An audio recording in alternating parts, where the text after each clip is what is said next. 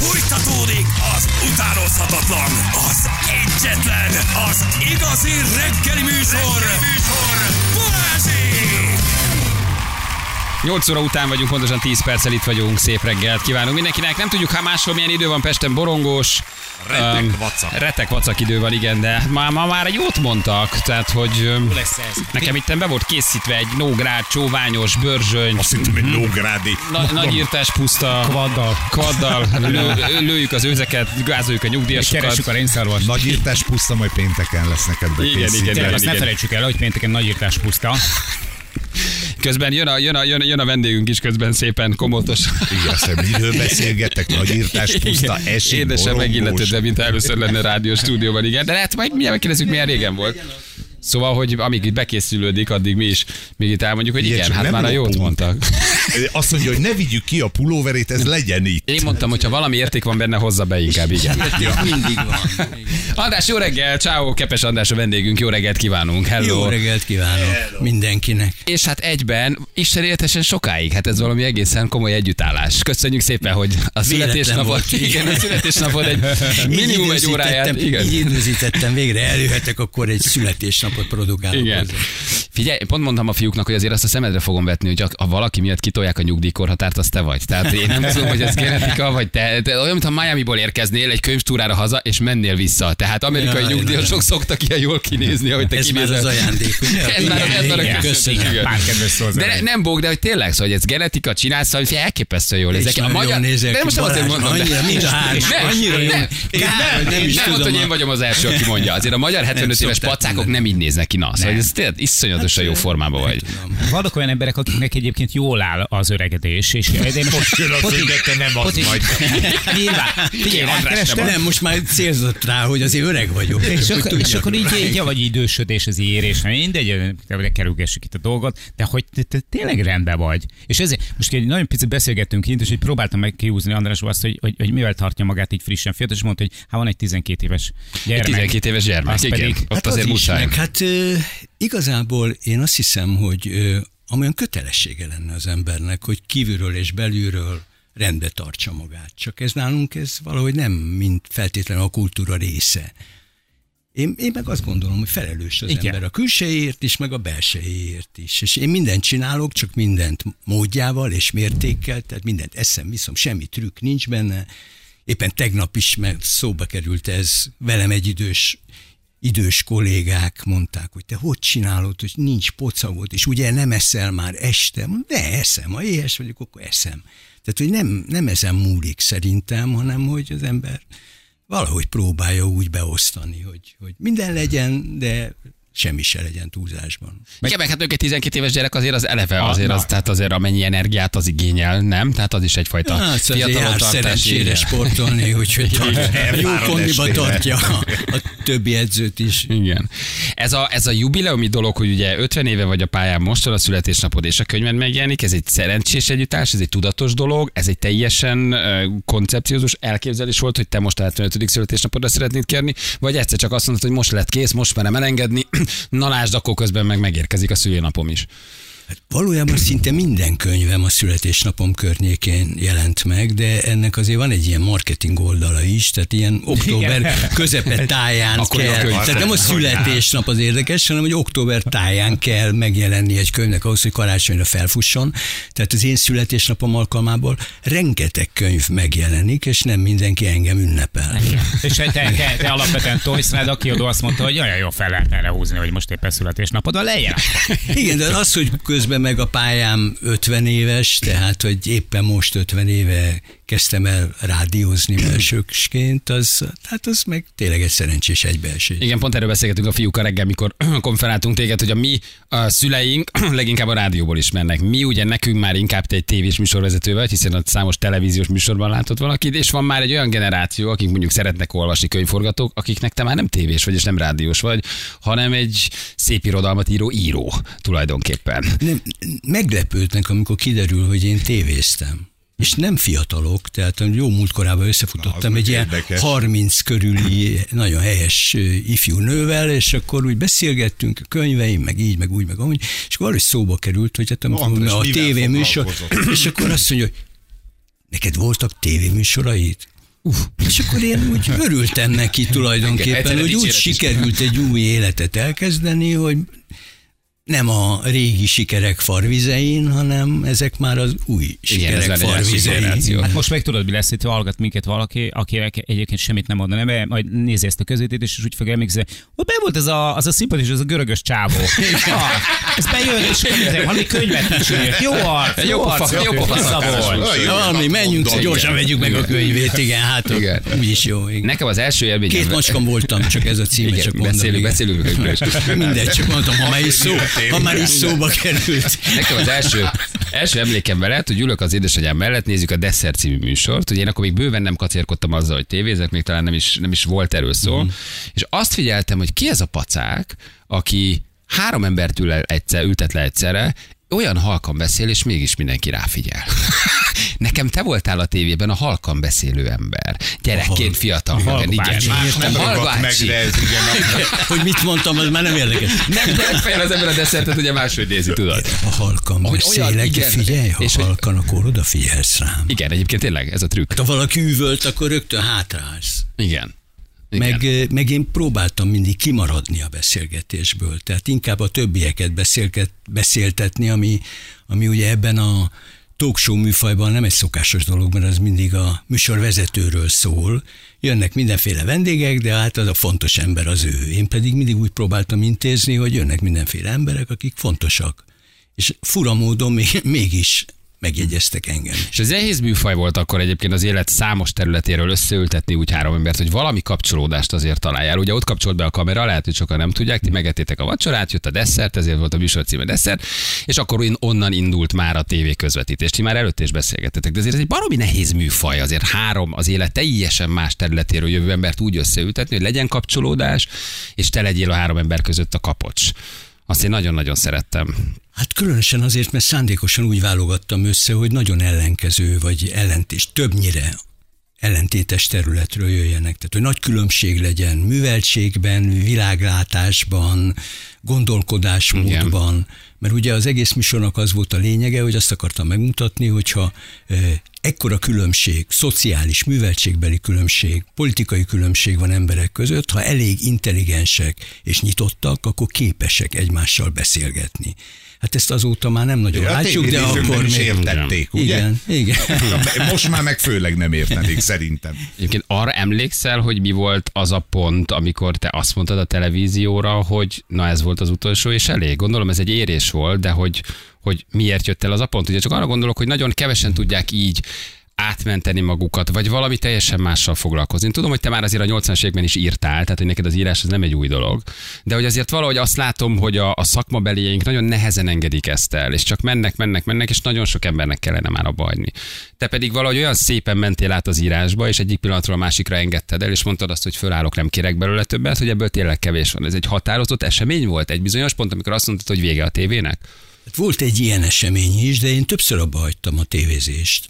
Hát abba hagytam egyszer valamikor a 80-as évek elején, tehát amikor a stúdiót csináltuk, és éreztem, hogy túl nagy a politikai nyomás, és azt mondtam, hogy én ilyen körülmények között nem tudok, nem is akarok dolgozni, és akkor az volt a szerencsém, hogy akkor felvettek engem a Stanford Egyetemre, Kaliforniába, és akkor gyakorlatilag aztán utána kap, meghívtak a, a New Yorki Egyetemre uh-huh. tanítani. Milyen és szerencsés akkor, ember vagy, felvettek, aztán fel. Hát csak szerencsés. Csak, csak szerencsés. Hát így, tényleg szerencsés vagyok egyébként, és, ö, és akkor két évre kiszakadtam, és akkor mindenki azt mondta, hogy elmész két évre, mindenki el fog felejteni. És mondta, hát ha elfelejtenek, akkor megérdemeltem. Akkor ez, ha meg nem, akkor nem akartam én visszamenni. Úgy könyörögtek vissza a kollégák, hogy menjek vissza a tévéhez. Aztán, amikor ugye megbetegedtem, ez valamikor ugye a 98-ban volt, akkor is ott hagytam két évre a tévét, és azt gondoltam, hogy nem megyek vissza, tehát nekem ez nem hiányzott annyira a televíziózás, de a pont, amit kérdeztél, az az volt, hogy a, az egyik szerintem az eddigi legjobb dokumentumfilm sorozatomat csináltam, ez a Különös történetek volt a címe, és hát akkor azért már eléggé leszoktak a nézők. Ez véletlenül éppen megint a, a MTV-n ment, mert közben én jártam az RTL-nél RTL-en is, meg a persze, igen. TV2-nél is, és mentem az utcán, és akkor azt kérdezték az emberek, hogy jaj, Kepes úr, de régen láttuk, miért nem csinál már valami jót a tévében? És mondom, hát most megy a sorozatom. Azt mondja, ja, mi már nem nézünk tévét. Na és amikor már a századik ember ezt mondtak, azt mondtam, hogy úgy látszik, hogy akik engem szerettek és néztek, azok már nem néznek tévét. Akik most néznek tévét, azok meg valószínűleg nem engem akarnak látni, úgyhogy legegyszerűbb, hogyha én most befejezem. És nem akkor gondolkodtál más platformon? Hát egy csomóan átmentek. Nem, YouTube. nem, nem. Én, ha valamit abba hagyok, azt, Ak- abba, akkor ha azt komolyan. csinálom, akkor csinálom, ha abba hagyom, akkor abba hagyom, úgyhogy azot is mondják, miért nem csak podcastot, meg ezt, meg az. Nem, akkor, akkor tévézhetnék is egyúttal. Hm. Azt olvastam veled egy interjút, és azt mondtad, hogy te már a 70-es, 80-as években egyébként írtál, csak volt, amit még talán önkezüleg megsemmisítettél, tehát hogy nem merted ezt úgy vállalni. Ugye talán interjúregényed, hogy voltak Igen, már igen, köteteid, hogy igen. szép irodalom nem igazából, de hogy az írás azért az egy tulajdonképpen a pályáddal együtt járó dolog. Csak hogy ezeket megsemmisítetted Sajnos nem volt elején. mindenki ilyen finnyás. Sajnos nem volt meg mindenki ennyi reflexió. Ez a, igen, szóval, hogy, hogy igen, kell, kell önkritika. Na most lehet, hogy olyanokat is kidobáltam, most már utólag nem sajnálom, ami, ami most érdekes lehetett volna. Tehát írtam verseket is, meg írtam novellákat, úgy éreztem, hogy hát ilyet más is tud. Tehát el kellett jutnom addig a pontig, a Jerome Davis Salingernek van egy kis regénye, és akkor abban van, van egy mondat, ami számomra nagyon fontos volt, ott a, a főhős ö, megmutatja a bátyjának a, a novelláit. És akkor a bátyja elolvassa, és akkor azt mondja neki, hogy nem pofás kis történeteket várok tőled, a zsákmányodra vagyok kíváncsi. Aha. És akkor ez a mondat, ez nekem nagyon sokáig ott volt az íróasztalom fölött, és én a rádiós tévés műsoraimat is úgy készítettem, hogy mindig belegondoltam, hogy ez mást is érdekelne, vagy ez az én zsák, ahogy én látom, ez az én zsákmányom-e. És el kellett jutnom odáig az írásban is, amíg azt mondtam, hogy olyat szeretnék írni, amit csak én tudok. Lehet, hogy nem ez a legjobb, lehet, hogy mások jobban megírják, de ez az enyém. Hm. Úgyhogy e- ez, ez volt egy, egy nagyon fontos pont. Ugye két macska voltam ez a könyvednek a címe. Tényleg, igen. De jó, hogy mondod. Jó, Ja, ezért jött. Hát nem csak ezért jöttem, de ezért hívtatok. András rápillantott a jegyzetére, és most de És Balázsnak igaza. azt mondod, hogy azért két macska, mert hogy legalább két macska, vagy két macska típus van az emberben. Ezt mondtad, Minimum. hogy ezt olvasom. Kéne lenni. Mire gondolsz ezzel pontosan, vagy ezt hogy érted? Hát tulajdonképpen ideális esetben ez az állandó kételj. Tehát, hogy soha ne érezd úgy, hogy csak egyféle igazság van, amire egyébként hajlamosak vagyunk, a mi kultúránkban meg aztán végképp, de a világban is sajnos egyre inkább jobban elterjed. És azt gondolom, hogy ha az emberben van két macska, aki állandóan egymást piszkálja, hogy te biztos, hogy az úgy van, vagy nem úgy van. Tehát ideális esetben ez a kétség, hát mondjuk rossz esetben ez a tudathasadás, de hát pró- próbáljuk abból a szempontból megközelíteni, hogy akiben nincs legalább két macska, azt érdemes nagy ívben elkerülni, mert az mindenféle hajas dologra képes. A világ pedig afelé megy, hogy egy macskásodunk, szerintem, nem? Hát, Tehát például a igen. vita kultúránk is ilyen, hogy azt Igen, mondom, igen. hogy ez az én macskám, na akkor ez az igazság. Igen, igen. Hát én, én a kétséget egyébként, amit nagyon sokan elítélnek, azt hiszik, hogy a kétség az rossz, vagy kételj az rossz. Én meg azt mondom, hogy kételj nélkül nincs kritikai gondolkodás. Tehát az ember állandóan nem kóstol bele valamibe, és nem mondja azt, hogy biztos, hogy ez így van. Na most ez a másik macska. Hm. Jött már olyan értelmezése a könyvnek, amire te nem gondoltál, de valaki belelátja? Mert szerintem ez a könyv, én elolvastam, szerintem nagyon sok mindenről szól, és egyébként egyéni igazságokon keresztül még egy csomó minden más igazságról, amit te lehet, hogy bele se gondoltál, vagy, vagy eszedbe se jutott. Kapsz olyan értelmezéseket egy könyved után, mondjuk egy olvasói találkozón, hogy nekem még ez is benne volt, vagy nekem még ez is följött, vagy engem még bennem még ilyen szálakat is elindított, anélkül, hogy lelőnénk a poént, hogy ez miről szól tulajdonképpen pontosan. Hát ez mindig a legizgalmasabb, amikor az ember ugye ír egy könyvet, vagy hétköznapi életbe elmond egy gondolatmenetet, és látja a másik szemén, hogy, vagy megszólal, és kiderül, hogy tök mást érted belőle. Na most valamikor olyanokat is észrevesznek, amit én se vettem észre, és akkor az ember örül, hogy még Hogy ez is benne van. Á, de jó, vagyok. már nagyon jó fej vagy. És akkor van úgy, amikor pont az ellenkezőjét értik. Én most föltettem, csak hogy példaként mondjam, tehát a, a hivatalos honlapomra mondatokat a könyvből. Na most, hogy olyan, mint egy teszt.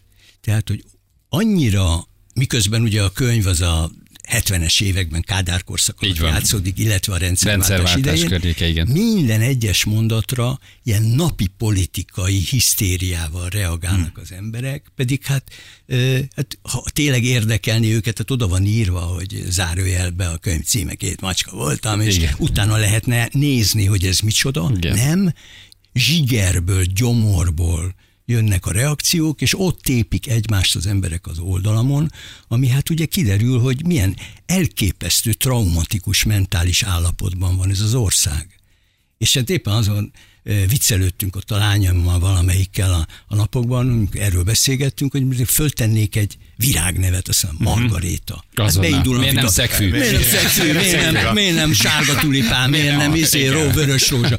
Szóval, hogy bármire ugranak az emberek, és azért ilyen ö, közegben egyébként regényt írni nagyon nehéz, mert soha nem tudod egyébként, hogy miből mit olvasnak ki. Igen, Ahogy vagy egy interjúból nem Igen. értik, hogy mit olvasnak ki az Hogyne. emberek, egy beszélgetésből. De nagyon aranyosan próbálod őket egyesével meggyőzni. Én megnéztem a reggel a, a Facebookot, kicsit a? Jani vagy, kicsit a Jani vagy. Egyenként- Itt vannak, hogy ön, ön nagyon olvasott hölgynek tűnik, kedves XY, és ez egy idézőjel. De ne mondat. egyenként, erre te veszed a fáradtságot, hogy elolvast, hogy megválaszolod. János ugyanezt csinálja, Igen? sokszor, már nem mindig, de sokszor csinálta. Te ezt egyenként megválaszolod? É, Ha, ha azt látom, hogy nem rossz indulatból, hanem e, tulajdonképpen ő a véleményét mondja, csak a véleménye más, mint az enyém, és éppen van rá időm, akkor szoktam levelezni, és egyébként fura módon volt olyan is, hogy valakinek ilyen nagyon gyűlölködő hangnemet ütött meg. Most az utóbbi időben ezeket már kinyomom, tehát nem,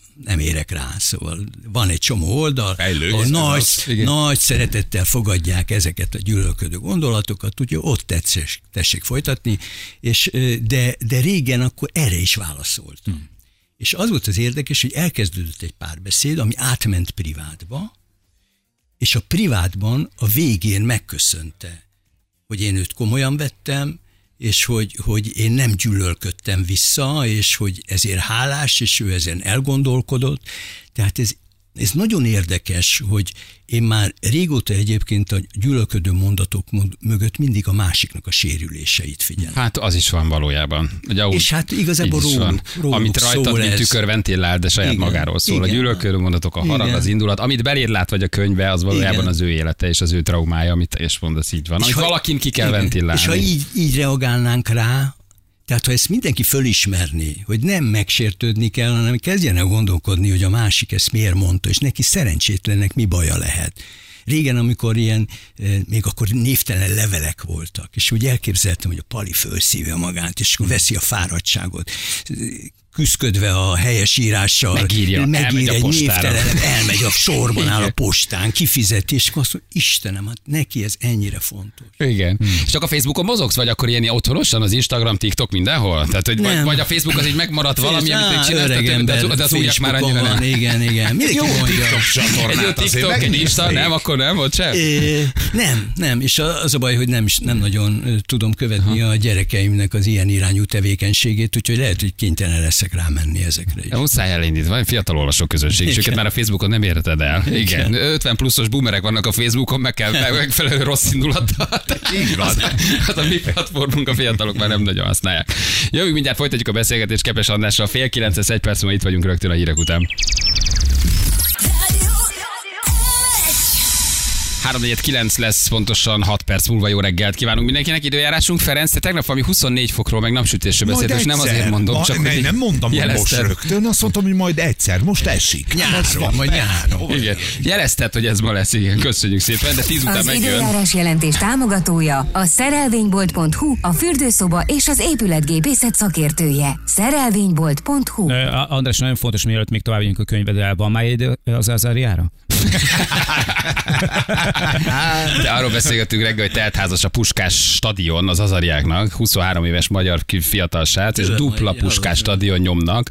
Két nap múlva kezdik a következő stadionnak az értékesítését a koncerten. Tehát azért ez önmagában történelem. Erre utal a És Jani. meg van dumálva, hogy fölmutatja a könyvemet. Ó, ez igen. Na, ha azt nem intézed, akkor Az erős promóció. Igen, igen, De igen. akkor nem is kell Miért van, bejönni. van új könyved? Nem, nem, de lesz. Igen. Két macska voltam, ez Keves András könyvének a címe, erről beszélgetünk, és itt a végén vagy egy kis uh, rövid összefoglalója a könyvnek, csak így nagyon óvatosan kell fogalmazni, mert nagyon sok fordulat van, hogy az ember lelülje le, hogy egy lélektani krimiket idéző sors regény.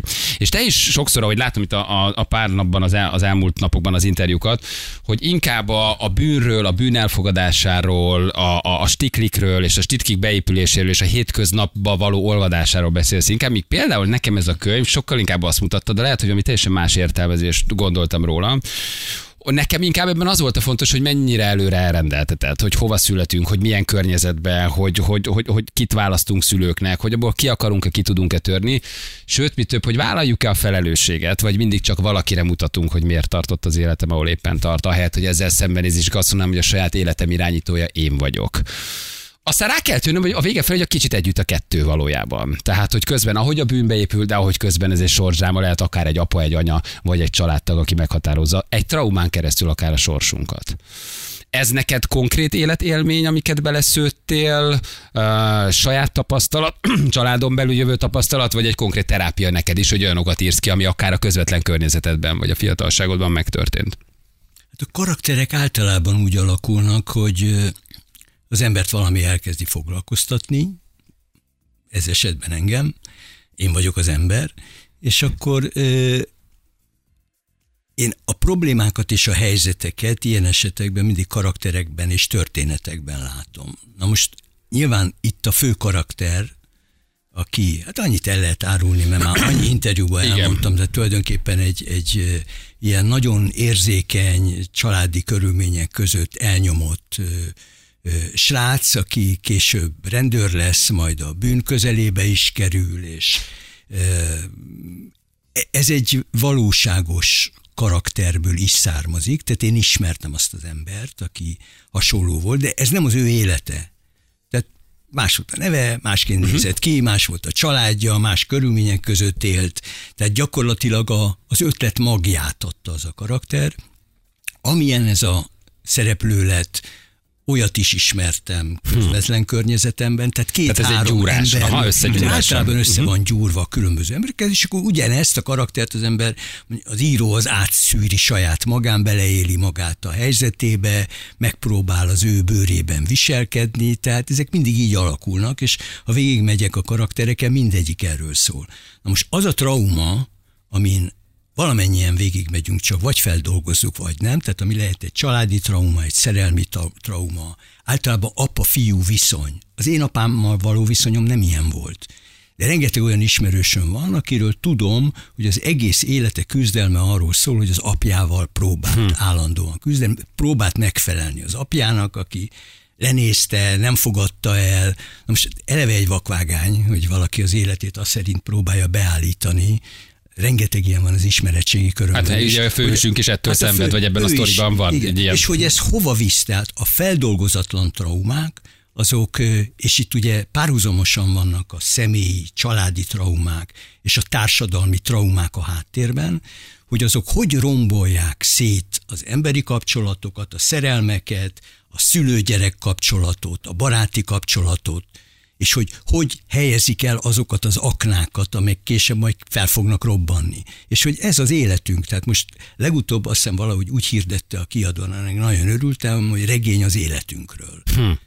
Tehát itt nem sorsregény, meg nem kalandregény, meg nem, minden van benne. Minden, kicsit minden de van benne, kicsit életünk. bűnögyregény Tehát az élet, Most igen. nekem ez a Igen. kedvencem. De hogy közben van ebben azért egy nagyon fontos dolog, hogy ez addig trauma, amíg nem veszed a kezedbe a sorsodat, nem nézel vele szembe, nem dolgozod föl, és nem döntöd el, hogy akarsz és tudsz rajta változtatni. Onnantól kezdve már a trauma tapasztalattá, hogy is mondjam, sublimálódik, és azt mondom, hogy eddig ez trauma volt, de most már viszont csak tapasztalatot csinálok belőle, de nem vagyok hajlandó azon séma szerint élni, szenvedni, valaki mást okolni, hanem a saját életemről én magam tehetek. És dönthetek arról, hogy tovább szenvedek, vagy tapasztalatként gondolok rá, és megváltoztatom. És Nekem vissza- leginkább erről szólt ez a könyv. És hogy visszaütsze. Igen, Tehát, hogy visszaütök-e, azon, igen. aki, elköte, aki veled szemben elkövette, mert ugye itt az történik, hogy van egy reakció. Igen. És a reakció nem az, hogy aki megnyomorította az életedet, azt, azon ezt levered, amikor lehetőséged van, hanem emberséggel felülemelkedni. Igen. És ez, amit nagyon kevesen tudnak. Igen. Ez egyetlen megoldás.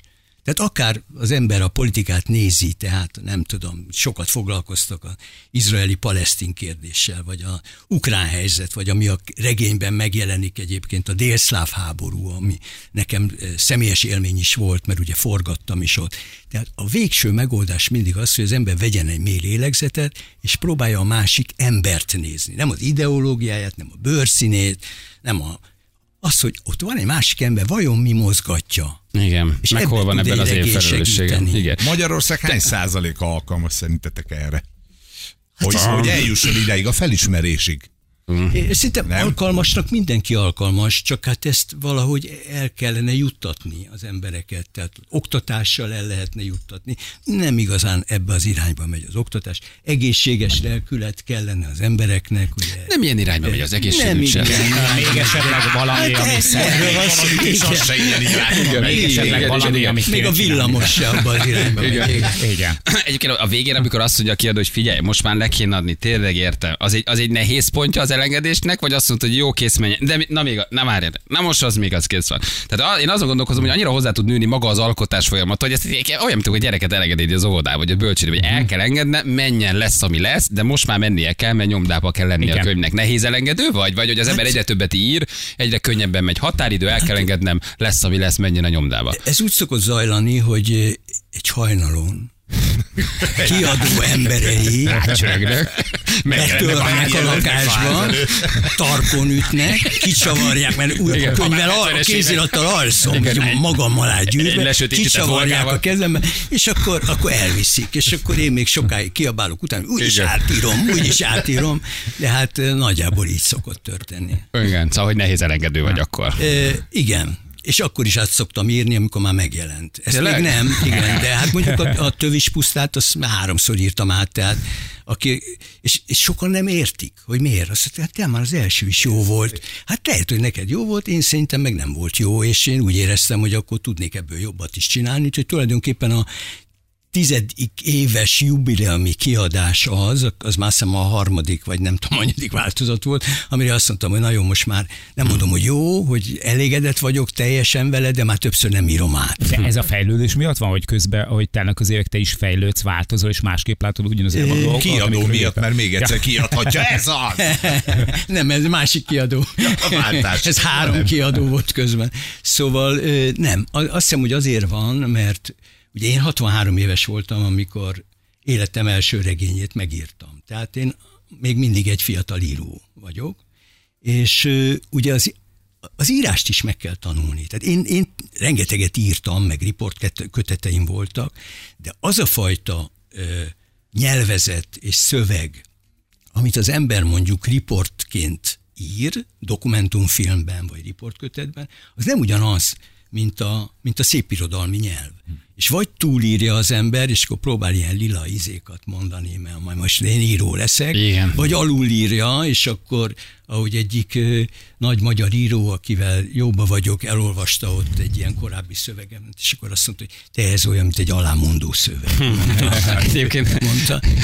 És akkor, és akkor, akkor, akkor az ember elkezd gondolkodni, hogy akkor most mi a különbség a között, amit én már profi módon tudok csinálni, mert csináltam nem tudom hány száz riportfilmet és egyebet, és mitől más egy szép irodalmi szöveg, és a Tövis pusztának az első kiadásáról úgy éreztem, hogy nincsenek rendesen kibontva a figurák, a szereplők, a karakterek, hiányoznak részek, vannak, ami túl van írva, és állandóan újra kellett írni, amíg eljutottam odáig, hogy azt mondjam, hogy ez most már rendben van. Hm. És van ilyen alternatív befejezés is, mint sok videójátéknak? Vagy? Hogy mit Egyes, kettes, hármas. Ezt a fejezetet kihagyod. Egyébként a, a magyar írói társadalom az, az befogadó? Tehát, hogy aki mondjuk szép irodalmat ír, vagy, vagy drámaíró, fölhív téged, és azt mondja, hogy igen, András, na ez, ez, ez, ez rendben van. Vagy nekik te mindig egy kicsit egy bevándorló vagy, aki a rádióból, tévéből jött, írni akar, mert most ez nagyon népszerű dolog, na de mi magyar írók, drámaírók, költők, hát mit gondolunk mi a szép irodalomról? Van visszajelzésed a nagyoktól, hogy hogy egyszer csak azt mondják, hogy igen, na, ez már, már, már itt vagy köztünk. Vagy egy ugyanolyan hiú, hiú, hiú éra ez, mint, mint minden. mi- Mint mi- amilyen tévések mi vagyunk Hát hiúk, vagy minden. rádiósok akár. Én, én nekem az a szerencsém volt, hogy valamikor régen Billy Wilderrel, aki ugye fiatalok kedvéért mondom, tehát a nem tudom, 50-es, 60-as években Amerikában két nagy rendező volt, a Hitchcock nevét mindenki tudja, ő a thriller, és az összes híres vígjáték az Billy Wilder volt. Annyi, annyi Oscar díja volt, hogy a WC-be kellett tartania. És én csináltam vele egy interjút, és akkor kérdeztem tőle, hogy hogy voltak az írók, a színházasok és a, a filmesek viszonya a 30-as években, amikor ő kiment Hollywoodba. És akkor azt mondta, hogy hát az úgy van, hogy a regényírók azok mindig lenézik a színházi embereket, a drámaírókat. A drámaírók meg mindig lenézték a filmeseket. Szerencsére azóta feltalálták a televíziót, most már nekünk is van, akik lenézhetünk. Na most, ugye ez a fajta gondolkodás, ez nyilván megvan, tehát a, hát ez egy, nyilván egy tévés, aki ír, de ö, nagyon sok olyan, tehát nagyon sok, tehát több olyan ö, író van, aki megdicsér, azt mondja, ú, ez jó volt, főként filmesek egyébként, Aha. Mert érdekes módon ö, én jelenetekben írom a regényeket is. Tehát egy kicsit ez a filmes, meg nagyon sok képi világ van benne, hát ez valószínűleg onnan származik, ahonnan én érkeztem. Meg az is, hogy ö, mindig azt mondják, még ha nem is tetszik annyira, akkor is azt nem tudjuk letenni. Mert ha valaki a tévéből jön, és megszokta azt, hogy nem ülhet le a műsor, mert elkapcsolnak. Hát vagy az valószínűleg ezt a ritmust, igen, ezt a ritmust próbálja diktálni a könyvekben is. Hm. És ö, utána mindig azt kérdezem, hogy ja, ha nem tudtad letenni, akkor, akkor rendben van, nem? Akkor rendben van. akkor onnantól kezdve. igen, igen, igen, igen, igen. Úgyhogy de elfogadnak. Vannak, akik elfogadnak, vannak, Mhm. akik nem, de szerintem egymást se fogadják el az emberek. Tehát itt nem arról van szó, hogy azért, mert én Persze, ötment vagyok. csak kíváncsi voltam, hogy mi a, mi a, Igen. mi a visszajelzés, igen. Figyelj, András, ezzel az egészen azt akarod mondani, hogy érdemes elolvasni? Hát Várj, én nem a tudom, nézd, Hát nagyon, nagyon óvatosan kell vele a bánni, mert ha kézbe veszed, nem tudod letenni. Tehát, Szóval nagyon régóta be akarom tőled kérdezni, csak sose találkoztunk személyesen, amikor volt a Világfalu című műsorod, és elmentél valahova, uh, én nem tudom, talán Dél-Amerikába. Hú, jó volt. Egy volt. sámán szertartásra. Igen, Az igen. Ayahuasca volt, vagy San Pedro? San Pedro. San Pedro volt. De voltam utána nálatok műsorban. Voltál nálunk utána tényleg? Amikor a világkép, világfaluval? meg, a, ne, a világkép, amikor Világkép. Megjelent, aminek azért uh-huh. részletek vannak, akkor voltam, és akkor látod, nem jutott eszedbe. Úgy látszik, te azóta kaptál rá ezekre. A szerekre. Igen, ez később ütött be. Arra emlékszem, hogy volt egy kép, amikor te kvázi fekszel tulajdonképpen, és alá narrálod, hogy te ott a szertartás közben mit éltél át. És ez nagyon régóta meg akartam tőled kérdezni, hogy San Pedro vagy Ayahuasca. De Na jó, de hogy azt volt. tudjuk, hogy Szóval ez, ez úgy történt ez a dolog, hogy ugye én el akartam menni egy ilyen sámán szertartásra, meg is beszéltem a sámánnal, és ott volt az a társaság, akik kísértek engem, és akkor a sámán az utolsó pillanatban azt mondta, hogy akkor hajlandó megcsinálni a sámán szertartást, ha én is részt veszek benne. Hmm. És ugye akkor én döntés előtt álltam, hogy most vagy nincs a filmben sámán szertartás, Igen, vagy nincs anyag, kell ebbe szállni. És egyébként is azt mondta a sámán, hogy ő úgy látja rajtam, hogy nekem erre szükségem lenne, mert nem jó a, nem jó a kapcsolatom a természettel, mondta, és akkor majd meglátom, hogy milyen jó lesz a kapcsolatom, és így szálltam ebbe a, a dologba bele, és hát nem lettem függő. Nagyon vacak íze van ennek, tehát nem érdemes vele próbálkozni. A hatás az meg félelmetes volt egy kicsit, de, de emlékezetes. Tehát végül ut- örültem neki, hogy kipróbáltam Aha. egyszer, de mert az ember egyszer érdemes sok mindent kipróbálni, kivéve azt, amiről biztosan tudod, hogy függővé válsz, mert Igen. azt csak a hülye próbálja ki. Na, én azt a tövis puszta változatot akarom elolvasni, amit azután írtál. Azt biztos nem adtak ki sem. Az, aminek át kell írnom a tövis pusztát. Ezt, ezt, ezt a könyvet írtam azóta. Igen. Aha. Úgyhogy akit érdekel. Megjött egy nagyon fontos SMS, bírom ezt az embert, és még a kávéja is nagyon jó. Járjanak a képes kaféba. Igen. Lesz ma nagy ünneplés, hogy kell elképzelni? Hát történetesen sok gyerek, unoka, hát az ember azt mondja, ez egy idilli pillanat, gyerekek mindenhol, család mindenhol, vagy egyébként én téged inkább egy ilyen önmagamat ünnepelni nem nagyon szerető típusnak gondolok, érzelmileg kicsit introvertáltnak. Aki úgy megünnepelteti magát, de jobban szeret mást ünnepelni, csak ne őt ünnepeljék. Nagy buli lesz ma, vagy szolidan? szolidan Nem, nem lesz, nem lesz. Én nem, tényleg nem szeretem magam ün- ünnepeltetni. Egyrészt egy részük, akik például már külföldön vannak, ők már hajnalban hallottam, hogy csipog a telefon, mert ott meg már már más időpont volt, úgyhogy ők már jelentkeztek, a nővérem is azt hiszem hajnali egykor csipogott egyet. Igen, mindenki már a első akar lenni, persze. Már a születésnapod van. Volt olyan, akit én fölhívtam ma az egyik, vagy tegnap este már az egyik lányomat, hogy nem akarom, hogy itten pedálozzál napközben, mert annyira tele van a... Esünk túl rajta, jó? Mondta, hogy De jó fej vagy, előre Igen, fölhívtad, jó, hogy, igen, hogy, hogy, hogy hogy lehetőséget adjak, és hogy beszélgetni tudjunk, mert különben... Mert, Igen, mert, most gratulálj, inkább nem fogod elfelejteni, Igen. apád vagyok, most elmondhatod. Holnap ne törődj ezzel. Nem, nem felejtette volna el, csak tudod, ilyenkor akkor nem tudok senkivel beszélgetni, és Igen. én a gyerekeimmel szeretnék beszélgetni, hogy hát akkor ő vele mi van az én Igen. születésnapom alkalmából. Egyébként, ha már ugye említed a gyerekeket, a családot mondod, hogy nagyon sok mindenki külföldön van, meg hogy elköltöztek, szétrepült mindenki, de közben te ugye azt is mondod, hogy ott érdemes élni az embernek, ahol jól fel tudja bosszantani magát. Ez ami van. itt van. Jó helyen vagy. Jó helyen vagy. Igen, igen. Mindenki biztatni tudok erre, igen. Igen. Soha, soha nem gondoltál arra, hogy, hogy igen, hogy most már nincs ami kössön, gyerekek kirepültek irány külföld. Néha kicsit elolvasom a híreket, bosszankodok, de jobb lesz azért nekem egy Miami eh, apartmanban valahol onnan könyvet írni. Hát ez egy szabad foglalkozás, az ember bárhonnan tud. Én könnyen elmehetnék egyébként, tehát, hogy most én Spanyolországban, egy kis faluban írom a regényemet, vagy sem, az nagyjából tö- tökéletesen mindegy. De egyrészt ugye gyerekeim, unokáim vannak, a feleségem még nem egy ilyen nyugdíjas asszony, hogy enyhén fogalmazzak, tehát ugye egy 25 évvel fiatalabb nálam, ő aktív, őt is a munkája ide köti, hát nagyon jó munkája van, középiskolai tanár.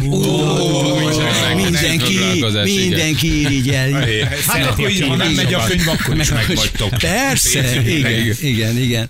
Szóval, hogy, hogy megint egy, egy ilyen honvágyó típus Aha. Vagyok. Hmm. Tehát amikor évekig külföldön voltam, akkor is úgy elgondoltam, hogy sétálni a Dunaparton, és akkor nézni ott a budai hegyeket, és Hát pedig azért tudjuk, hogy Monaco is nagyon közel áll a szívedhez, és ami igen, mögötte van. minden mögötte. Csak valószínűleg, ha oda születtem volna, akkor egyszerű. Igazából, eh, ahogy azt hiszem említettétek itt, vagy valahogy én tényleg úgy érzem, hogy aki nagyon érzékeny erre a kultúrára és az országra, az tényleg olyan, mint a malária, hogyha egyszer bekerül az ember vérébe, akkor nem tud szabadulni, és én sikeres embereket ismertem, világszerte magyar származásúakat, és akkor, amikor szóba került az ország, akkor azért rögtön könyvbe lábadt a szemük. Tehát hmm. érezheti magát az ember nagyon jól külföldön is, de van valami, ami azért mégis, ha, ha, ha erre érzékeny, akkor ide köti. Van, aki nem, az egy, az egy más műfaj, de én, én egy ilyen nosztalgikus alkat vagyok. Hűséges típus. András, nagyon-nagyon szépen köszönjük, hogy itt voltál, nagyon örültünk neked, és hát Nagyon sok szerencsét a köszönöm. könyvhöz, a könyvturnéhoz. Én nagyon szerettem a könyvet, úgyhogy köszönjük szépen, hogy itt voltál. Én nagyon élveztük a szépen. beszélgetést. Mindig Most jó. kapjuk meg azt a Mindig példát. Gyerekek, Mindig jó veletek Bocsánat, nekem küldték. Ne Ennyi, de nem is na, mondtuk egy szóval sem. Van egy pici szellemi deficit a műsorban, színházba járni Igen. és könyvet olvasni én szoktam, de ez nincs. Az utok. Mi csak szellemesek vagyunk. Kepes Andrással beszélgettünk, a két macska voltam című könyvéről. Jövünk mindjárt kettő perc, pontosan 9 óra, itt vagyunk a hírek után.